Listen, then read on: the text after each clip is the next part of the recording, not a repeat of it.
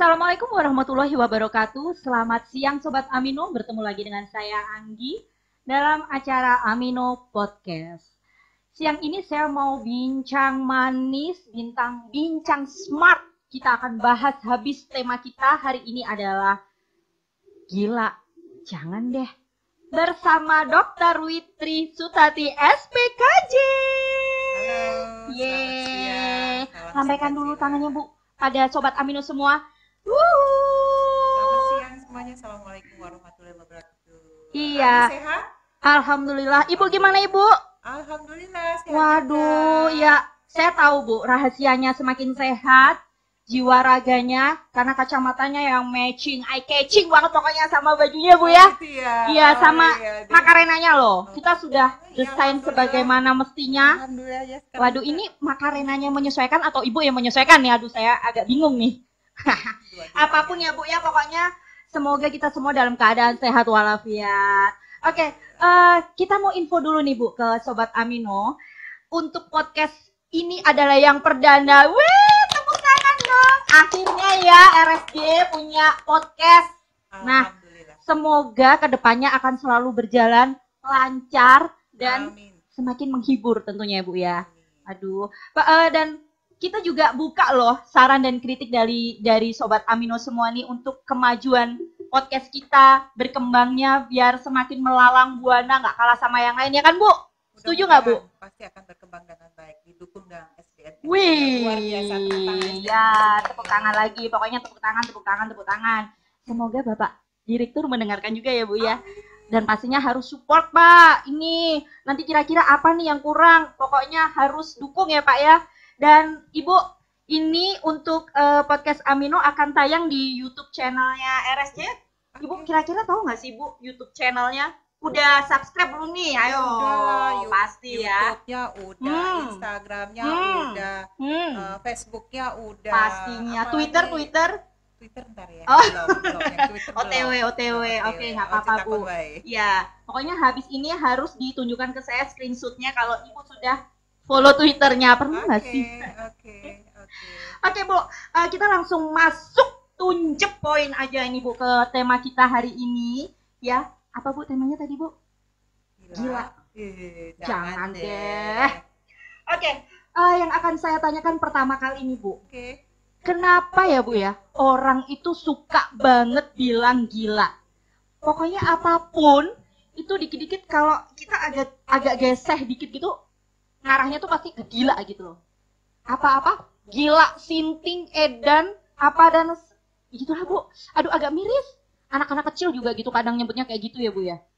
Udah nanyanya. Oh, iya. Silakan Ibu Witri dijawab. Baik, Andi sayang. Jadi Hmm. eh, sebetulnya kalau gila menurut pengertian dari WHO adalah kemampuan seseorang individu baik secara fisik, Mhm. mental, Ya. spiritual dan sosial. Mereka dapat beradaptasi sehingga mereka juga dapat eh, mengelola semuanya dengan baik, dapat produktif dengan baik. Hmm. Nah, kenapa sih orang-orang banyak mengatakan ih gila ya anak-anak kecil juga Iya gila." Bu, miris banget denger ya Bu Karena ya. itu sudah mindsetnya sudah sejak lama ya. Nah, eh, kalimat gila ini banyak sekali dikaitkan dengan saudara-saudara kita yang di luar sana yang cantik, eh, rambutnya gimbal, nggak terurus Hmm, ya. hmm, Nah, hmm, itu hmm. kalimatnya gila. Sebetulnya eh, out of mind ya, Mm-mm. gila, samin, apalagi eh, kopla, ya, terus sodro, Sodron, Ya, sodron. sodron, sodron itu sama aja ya. Tapi sebetulnya kalau pengertian yang tadi Mbak Anggi katakan Mm-mm. gila menurut kami di bagian eh, kesehatan kesehatan jiwa Mm-mm. itu sebetulnya adalah gangguan kejiwaan. Gangguan Ya, kejiwaan jadi baik Ibu. kalimat yang tadi Mbak Anggi katakan gila itu orang-orang sudah salah kaprah. Hmm, Jadi makanya hmm. ini Mbak Anggi mengundang kami di sini kita ngobrol-ngobrol di podcast Iya, untuk mengulas sebenarnya apa sih eh, gila itu dalam dalam dunia kedokteran jiwa itu Hmm. ya. Ya. Jadi gila bukan secara sosial. Tadi kan eh, masalah kesehatan jiwa ada empat ya, fisik, mental, sosial dan spiritual ya. Nah, kita kita bahas mengenai masalah eh, kondisi kesehatan jiwa yang disebut gila itu Iya. apa aja. Ingat ya pepatah mensano incorpore yang ragam mensano incorpore sano. Di dalam tubuh yang sehat didapatkan jiwa yang sehat pula. Gitu. Oke. Baik, apa lagi pertanyaannya? Oh ya pasti banyak, jangan khawatir Bu. Jadi nih Bu ya, boleh nggak sih Bu sebenarnya kita itu bilang gila ke orang lain? Kembali lagi bahwa masyarakat itu sudah kadung, sudah terlanjur Mm-mm. uh, mengatakan saudara-saudara kita yang kebetulan sedang ada masalah gangguan jiwa dengan kalimat tadi gila. Nah, kita biasakan kita kita uh, membiasakan diri untuk mengatakan bukan G1LA ya teman-teman sobat Amino semua yang menonton podcast ini ayo kita biasakan dengan mengatakan ODGJ orang dengan gangguan jiwa. Atau kalaupun orang itu sudah dengan gangguan jiwa berat kita juga bisa menyebutkan dengan ODS orang dengan skizofrenia. Skizofrenia itu udah gangguan jiwa berat. Bisa nggak disembuhin? Bisa ada RSJ Aminugonutomo datang aja ke sini ya Iya iya iya. psikiaternya banyak Banyak. Cakep lagi Iya dong. Salah satunya Ibu Witri nih. Oke, jadi Mbak Anggi nanti titip sama anak-anak juga teman-teman, please deh jangan sebutin eh, saudara-saudara kita yang saat ini sedang Oke. Jadi Bu ya, untuk sebutan gila jangan deh ya Bu ya. Jangan, Jadi jangan. untuk sebutan gila itu kita bisa alihkan, kita bisa ganti mulai dari sekarang kita harus tanam dalam-dalam di mindset kita dengan sebutan ODGJ atau orang dengan gangguan jiwa dan satunya lagi apa Bu? ODS, Ya, orang itu untuk dengan skizofrenia. Untuk lebih detailnya ya Bu ya untuk masalah kesehatan jiwa ya Bu ya. Ya. Nah, eh, yang akan saya tanyakan untuk sebutan ODGJ atau ODS, eh, betul ya Bu ODS ya Bu ya? Itu kapan sih Bu waktu atau timingnya yang eh, pas untuk kita menyebut orang tersebut itu ODGJ atau ODS? Ya, baik. Nah, terima kasih pertanyaannya bagus banget. Oh, ini. keren banget lah. Nyontek di mana? Itu ada. Hai. Oke, baik. Eh, tentunya kalau seseorang kita katakan dengan ODGJ melalui melalui eh, pemeriksaan klinis ya baik itu pemeriksaan dari uh, aloanamnesis. Aloanamnesis adalah eh, wawancara yang didapatkan dari keluarga keluarga terdekat atau Mm-mm. orang-orang di lingkungannya baik itu keluarga inti maupun di lingkungan sekitar dan wawancara dengan si pasien ini. Biasanya keluarga itu nanti akan mengeluhkan kok perilakunya udah nggak kayak biasanya. Tadi Oh. kesehatan mental kan ada empat ya fisik, mental, spiritual, dan sosial. Ya, kita bicara sosial dulu ya. Biasanya orang-orang dengan gangguan kejiwaan itu ada yang sudah nggak mau bergaul lagi dengan orang lain ya, dengan orang dia menyendiri. Uh, menyendirinya itu bisa dia karena takut ya, takut, kemudian uh, tidak mau bergaul dengan orang lain, kemudian ada perilaku-perilaku yang tidak biasa dilakukan, misalnya jadi jarang mandi, atau malah kebalikannya Oh. banyak mandi. Oh gitu ya. Setelah dieksplor oleh oleh psikiater ternyata di- dia didapatkan gangguan-gangguan yang tidak biasanya misalnya berupa halusinasi pendengaran bisa ada halusinasi visual ya. Nah ini nanti kalau sudah lebih spesifiknya lagi kita tanya lagi ini sudah berapa lama ke, eh, ke keadaan ini eh, terjadi? Iya. sehingga kalau kita sudah melihat bahwa orang-orang ini eh, pasien ini sudah mengalami satu perilaku yang ada handicap hendaya ya hendaya yang yang dialami oleh pasien ini kita bisa menegakkan satu diagnosis eh, gangguan jiwa berat atau disebut juga skizofrenia. Skizofrenia. Skizofrenia itu Oke. sudah berlangsung lebih dari satu bulan. Hmm. Disertai itu tadi perilaku-perilaku yang tidak biasanya, bicara tidak sambung, ya perawatan dirinya kurang itu Iya. handicap-handicap yang terjadi pada pasien dengan gangguan jiwa ya. Jadi ODS, uh, ODS, OD, ODGJ ya kondisinya seperti itu Mbak Anggi Hmm. ya.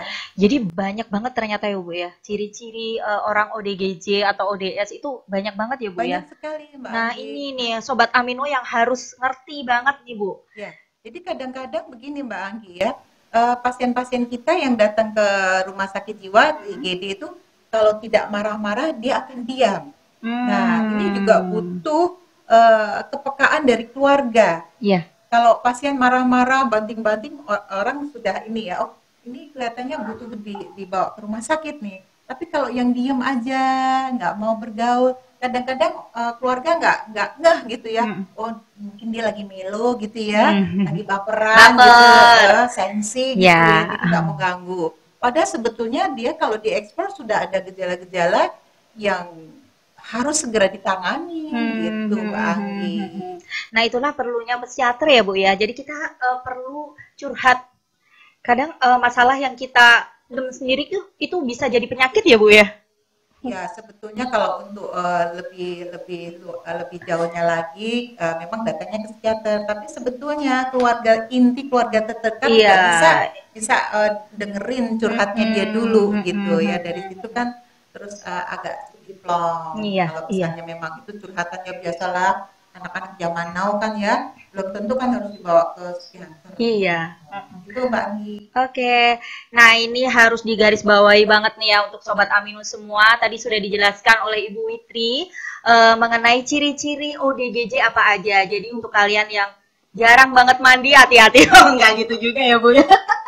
Atau yang dikit-dikit mandi, kan kalau semua kan juga pinginnya kan gerah gitu kan pinginnya dikit-dikit mandi ya Bu ya. Nggak apa-apa ya Bu ya, itu bukanlah ya. Artinya kalau itu segala sesuatu pada orang orang dengan gangguan jiwa itu perilaku perilakunya sudah tidak biasa. Kalau sekarang misalnya sungo ataupun eh, kita orang mungkin mau sholat mandi sampai lima kali ya memang kan eh, eh, harus bersih ya. Tapi kalau misalnya mandi lebih dari eh, lebih dari lima kali terus di dalam kamar mandi dua jam lagi, aduh, habisin sabun lagi ya, gitu ya. Aduh, ini kok kayaknya curhatan salah satu siapa ya?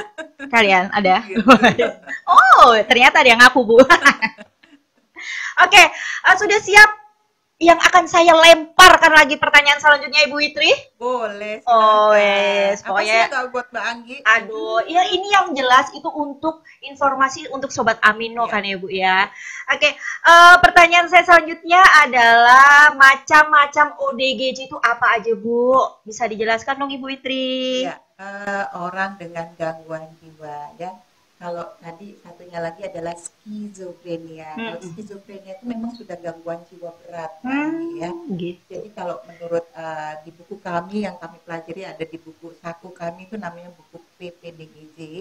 Itu ada ada skizofrenia paranoid, ada skizofrenia tak terinci, ada skizofrenia hebephonik ya.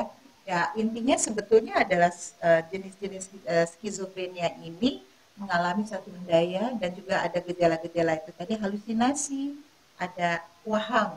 Waham itu Hmm. adalah keyakinan yang keliru. Oh gitu. Misalnya, misalnya nih, misalnya Mbak Agi itu merasa bisa me- menciptakan alam semesta. Wih, Nah, di. gitu ya. Misalnya begitu.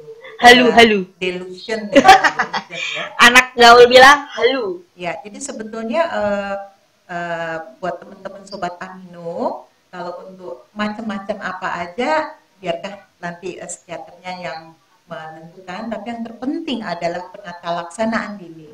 Karena semakin dini kita menata menata laksanaan pada pasien-pasien ODGJ akan semakin progresnya akan semakin baik gitu mbak. Hmm, jadi jangan sampai telat ya Bu penanganannya Ya, Ibu ya. kadang-kadang kan ada tuh bilang, oh parno amat sih lo gitu ya. Jadi singkatan dari paranoid ya. Nah, Hmm. paranoid itu kan ada yang ketakutan berlebihan atau merasa dirinya wah gitu ya. Gitu kan mungkin ada bisikan-bisikan juga itu bisa ya Bu ya. Bisikan itu halusinasi. Syaitoni rojim. Fasih banget ya saya ngomong ibu. Agak keangkat dikit. Syaitoni rojim. Aduh sabar ya bu ya. Sabar ya.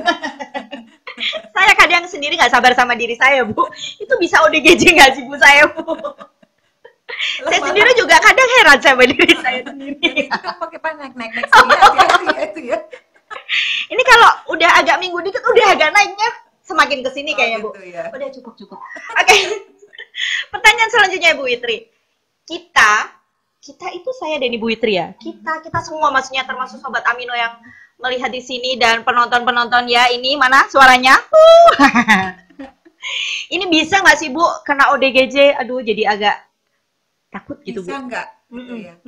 begini eh, masalah kesehatan jiwa gangguan jiwa itu kembali lagi ke karakter kita Hmm. ya jadi saya mengibaratkan gini karakter seseorang Mbak Anggi ke Mbak Sukuncoro Mbak Sukuncoro apa doa ibu Eh, kumis aja Bu. Oh, ya.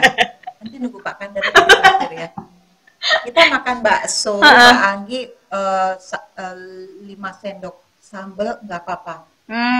Tapi saya makan setengah sendok aja udah mules-mules Oh gitu. karakter Oh ya. iya iya. Jadi ketika seseorang menghadapi satu masalah, ada yang biasa aja easy going. Hmm. Tapi ada yang baperan itu tadi, ya. Hmm, hmm, Nah, hmm, bapernya ini ke bawah, Oh gitu. bawa terus, tidak di tidak di apa namanya? Ada orang kan dia nggak mau nggak mau curhat Hmm, gitu hmm, ya. hmm, hmm. Nah, sehingga men- menimbulkan uh, konflik pada diri sendiri. Hmm, hmm, hmm. Terus berkelanjutan dan uh, sistem di dalam tubuh yang namanya mesolimbik, dopamin, serotoninnya uh, tidak seperti biasanya dan muncul gangguan-gangguan itu gejala positif ya. Nah bisa nggak ya tergantung ya. Tapi harapan kita nggak begitulah ya, nggak begitulah karena di dalam dunia uh, kedokteran jiwa itu yang kita tegakkan ada lima diagnosis namanya diagnosis multi aksia Hmm. ya. Yang pertama pertama itu gangguan jiwa itu sendiri. Hmm, hmm. Kemudian yang kedua, aksis kedua itu adalah gangguan kepribadian. Nah, itu Ya, tadi iya.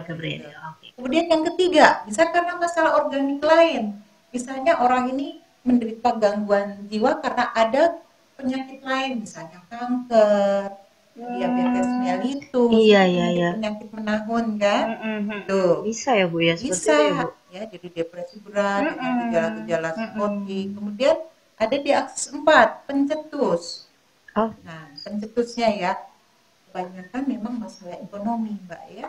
Oh. Banyak sekali masalah ekonomi, primary support Mm. masalah pekerjaan. Ya, tentunya juga tergantung karakter se- seseorang. Nah, itu yang menyebabkan uh, seseorang bisa terkena gangguan jiwa. Gitu. Hmm. Nah, sebetulnya gangguan jiwa itu hati-hati juga dengan masalah masalah kesehatan jiwa. Kita semua bisa mengalami gangguan jiwa, tapi insya Allah kita ini yang ada di ruangan ini kita bisa menghandle. Nah, yang Hmm. susahnya orang-orang yang tidak bisa menghandle dan sudah kadung ada ada gejala-gejala tambahan lain tadi berupa halus- halusinasi, delusi dan lain sebagainya. Hmm, hmm, hmm. Gitu. Oh gitu. Ya. Jadi mungkin kalau kita ada masalah, mungkin lebih baik mungkin kalau kita punya sahabat gitu bisa disampaikan ya Bu ya. Curcol-curcol dikit itu sebenarnya juga eh, sebagai antisipasi mungkin ya. Atau kadang ada orang yang modelnya introvert Bu. Jadi dia mending udahlah aku tahan aja. Aku malu nih kalau misal sampai ada orang lain yang tahu sebenarnya aku ada masalah apa atau mungkin bisa kita curahkan lewat buku ya Bu ya. Atau kalau mungkin tadi bisa. Ibu Ibu Witri punya eh, apa Bu buku sakunya tadi namanya PPGJ ya Bu ya. Kalau saya mungkin namanya eh, BTGJ Bu. Apa Buku tulis nggak jelas. Jadi di situ tuh isinya surat-suratan nggak jelas gitu lah Bu. Ya yang penting tersalurkan gitu Bu. Oke. Kalau eh, ODGJ sendiri itu ada nggak sih Bu? Itu faktor dari keturunan gitu? faktor nah, tadi kita bahas yang se- sebelumnya ya curcol bagus curcol itu bagus dan kita jadi untuk melampiaskan unek-unek kita mengeluarkan unek-unek kita tapi kan nggak semua orang bisa seperti itu dan tidak semua orang juga pandai menulis ya nah ini butuh kepekaan dari keluarga. Butuh kepekaan dari keluarga untuk meli- melihat eh, keluarga terdekatnya kok perilakunya bisa berbeda gitu. Nah jadi keluarga harus peka gitu ya sahabat Amino ya kalau ada seseorang yang perilakunya sudah nggak kayak biasanya.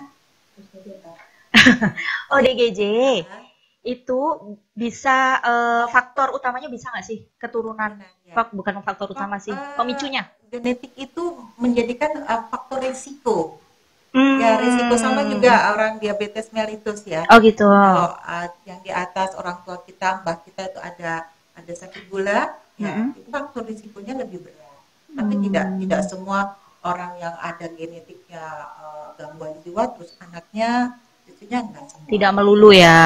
tapi merupakan faktor risiko Faktor resiko. risiko Oke. risiko Risiko. Ya ya ya ya. oke itu jelas ya Oh jelas banget Bu. Makanya saya tuh di sini tuh tadi sebenarnya dulu loh Oh iya, Ya. silakan Ibu duluan nggak apa-apa. Bu. Mungkin bisa dikasih contoh bagaimana cara minum yang estetik atau yang penuh drama ini, Bu. Oke, eh, kalau tadi sudah dijelaskan oleh Ibu untuk beberapa ciri ODGJ atau OD, ODS ya Bu ya, Eh, itu kan ada yang macam-macam nggak bisa eh, apa susah mandi, nggak nggak suka mandi, jarang mandi atau mandi keseringan dan lain sebagainya itu.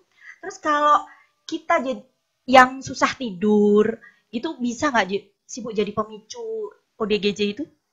Kalau susah tidur itu dalam bahasa psikiatrinya adalah insomnia. Insomnia. Insomnia sendiri itu ada yang organik, ada yang non organik. Hmm, kayak beras ya bu.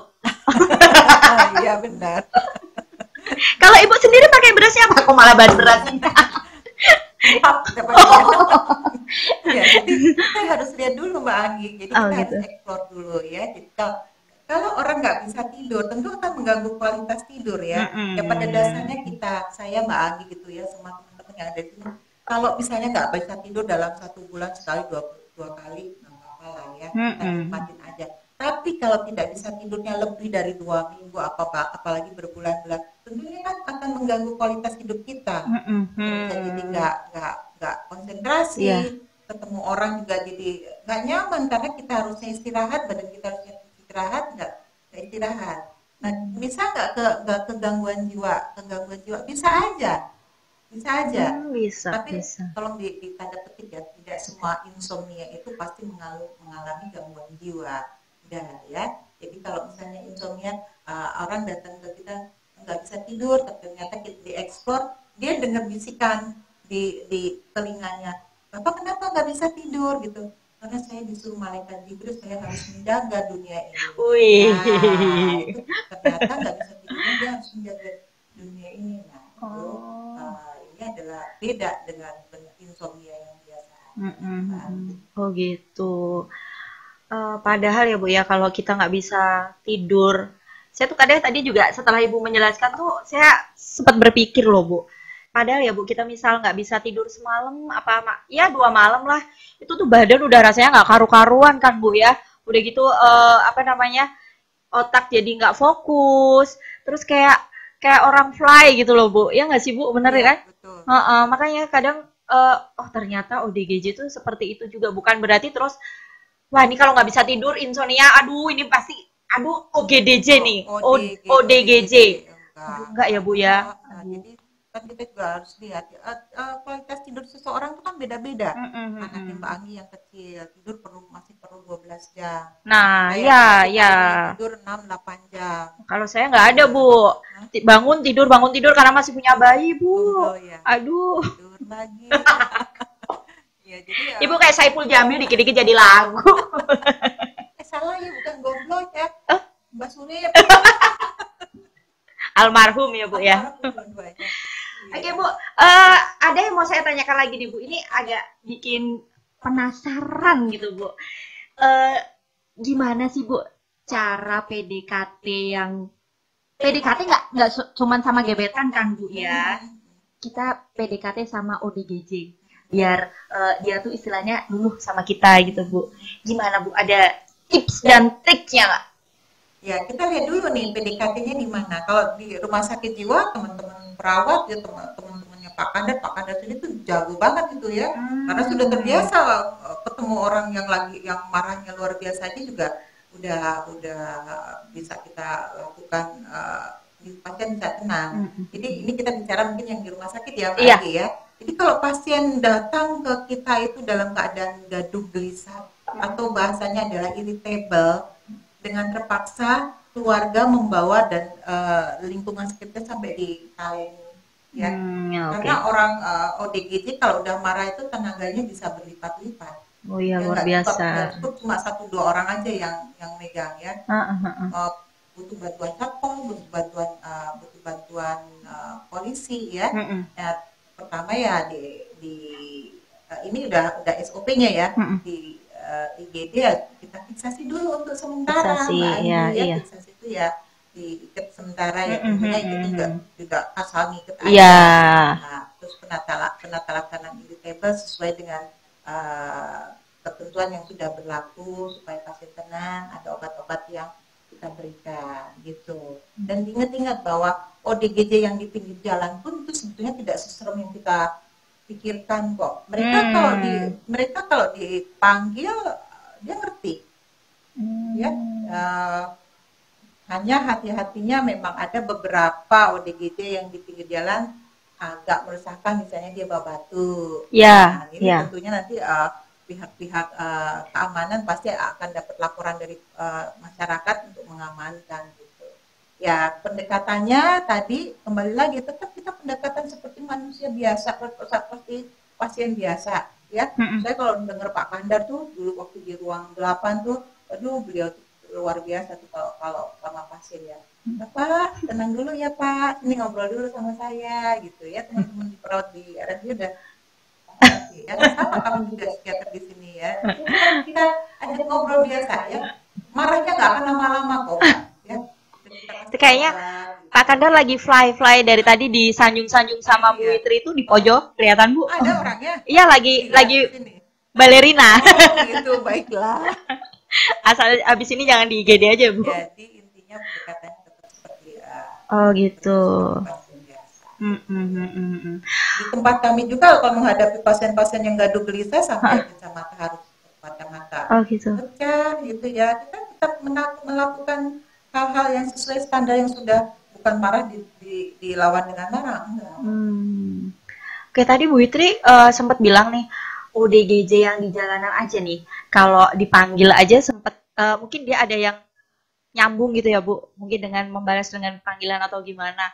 Masa orang-orang normal kayak gini-gini dipanggil sombong banget ya Bu ya? Emang kamu udah manggil dia Oh belum ya. Woi. jadi ada responnya Iya responnya Coba. itu. Ya, saya beberapa kali nih di, di daerah menjangan nih ada ibu-ibu bawa tas banyak Mm-mm. dia lusuh banget Mm-mm. dan saya tahu dia lapar ya. Hmm. Ibu tapi nggak tahu di ujung sana ada kameranya Bu. Ah, gitu Dia ya? lagi syuting. ya panggil mbak mbak sini bu sini itu dia mengambilin saya tahu Hmm. ya bawa, bawa, bawa sesuatu entah itu bawa makanan ke bawah Oh gitu. Gitu jadi dia pasti ada responnya Hmm. cuma karena penampilannya seperti Iya. kita jadi takut Ah, ya padahal itu Ya. memang beneran gembel bukan ODGJ ya Bu Ah, ya. ada yang gembel beneran ada yang ODGJ jadi Mm-mm. eh, gelandangan psikotik Oh istilahnya iya begitu, iya iya ya. oke baik. kalau yang gelandangan biasa biasanya kalau komunikasi dengan orang bu jaluk bu Pak Hmm. jaluk Pak gitu. Tapi kalau ODGJ biasanya eh, pandangannya biasa biasanya lebih acuh. Oh beda ya Bu ya. acuh Kelihatan gitu banget. Dan eh, penampilannya juga eh, agak lusuh ya. Mm-mm. Karena itu tadi nggak mau mandi Oh iya iya iya baik. gitu. Mbak Anggi. Oke, eh, Sobat Amino, eh, ini sudah banyak banget yang kita kupas mengenai gila, jangan deh, dan sudah disampaikan dengan Ibu Witri. Nah, sekarang nih Sobat Amino, saya ingin mendengar kesimpulan dari Ibu Witri. Eh, gila, antara gila dan ODGJ. Gimana Bu kesimpulan Ibu? Apa yang harus eh, ada pesan-pesan yang bisa disampaikan untuk Sobat Amino? Oke baik teman-teman semua sobat Amino kalau sobat Amino sudah jelas teman-teman yang ada di lingkungan uh, RJ dan teman-teman yang melihat podcast ini Mm-mm. saya mohon dengan sangat bila anda melihat eh, saudara-saudara kita yang memang tidak seperti kita ini jangan Uh, ya. jangan baik banget. itu menyebutkan secara langsung. Eh lo gila jangan. Kalau jangan ya. Tidak manusiawi tapi sebutkan dengan kalimat yang lebih eh, lebih manusiawi yaitu dengan ODGJ, ODGJ. atau ODS, ya. Jadi eh, ini eh, kita harus memasyarakatkan eh, kalimat ini. Jadi su- supaya lebih eh, manusiawi. Coba kalau kita bayangkan kalau yang kebetulan yang kena gangguan jiwa eh, saudara-saudara kita kan jadi rasanya nggak nyaman gitu. Mm-mm. ya Mm-mm. itu ya Kak Oke, Andi. iya. Sebenarnya tuh masih eh, masih banyak banget loh Bu yang mau saya tanyakan loh Bu. Ini Nanti sudah saya list sambung aja beneran. Hmm. Cuman ini kan berkaitan dengan studio selanjutnya Cie kayak udah sangar. ini selanjutnya nanti podcast eh, selanjutnya kita akan bahas antara ini Bu. Saya tuh kepo banget dengan kesurupan dan halusinasi. Oh sip. Saya saya kepo banget itu Oke. ya. itu So- next next podcast ya. Mm-mm. sama ini memperdalam insomnia. Ah, pernah kesurupan ya? Eh, saya nggak tahu bu. Cuman katanya kalau tidur tuh kadang nyebut-nyebut terus apa tiba mantan. Aduh aduh ibu jangan buka rahasia di sini dong. Ah, oke jadi ne- eh, eh, berikutnya topiknya adalah kesurupan halusinasi sama versus insomnia, iya ya, eh, pasti sudah Sobat ditunggu-tunggu nih sama sobat Amino nggak ada ini ya nggak ada interaktif itu ya belum belum belum Iya. Cuman ini kan akan tayang di YouTube channel RSJ Amino itu setiap hari Rabu, Bu. Jadi nanti eh, untuk pertanyaan-pertanyaan mungkin bisa ditulis di kolom komentar. Nanti akan di ya di sini nih kelihatannya sih. Berjalan nggak sih? Nanti akan di uh, respon dengan gercep oleh admin kita yang uh keren-keren pokoknya ini karena ini rumah sakit Amino sedang berbenah banget nih Bu untuk sosial medianya ya kan? Wah, dan jangan lupa nama YouTube channelnya RSJD Dr. Amino Bondo Hutomo. Yuk. Aduh lengkap sekali ya Bu ya. Ganjar RSJ Amino Bondo Hutomo. Iya loh, ini loh Pak Ganjar kita sudah punya YouTube channel, iya. punya Amino Podcast sekarang. Ini gimana dong Pak? komentarnya dong Pak. Wes. Nggak apa-apa dong pamer ya kan. Mudah-mudahan beliau berkenan nonton nanti datang ke sini kita oh, undang. Wah, keren banget nih. Iya. Wah, ini ada ada masukan loh Pak. Dicatat dong. Tolong dicatat. Next kita manggil Pak Ganjar. Udah antrian ke berapa gitu ya, Bu ya. Oke, okay. okay, mungkin uh, cukup sekian obrolan kita sebenarnya masih pengen ngobrol panjang banget ya Bu. Tahu kan Bu ciwi-ciwi iya, kalau udah ketemu ya Bu ya. Iya. Aduh, yang penting kan kita nggak gibah. enak banget. Uh, ya Allah. Next, ini kita uh, tunggu apa Bu? Endorse endorse. Mungkin mau endorse apa gitu ya Bu yang bisa dicemil-cemil. Oke. Oke. Okay. Oke. Okay. Baik, sekian obrolan dari kami. Saya Anggi dan Dr. Witri SPKJ. Semoga informasi yang kita sampaikan dapat bermanfaat untuk Sobat Amino semua. Sampai ketemu di obrolan selanjutnya. Dah. Terima kasih semuanya. Assalamualaikum.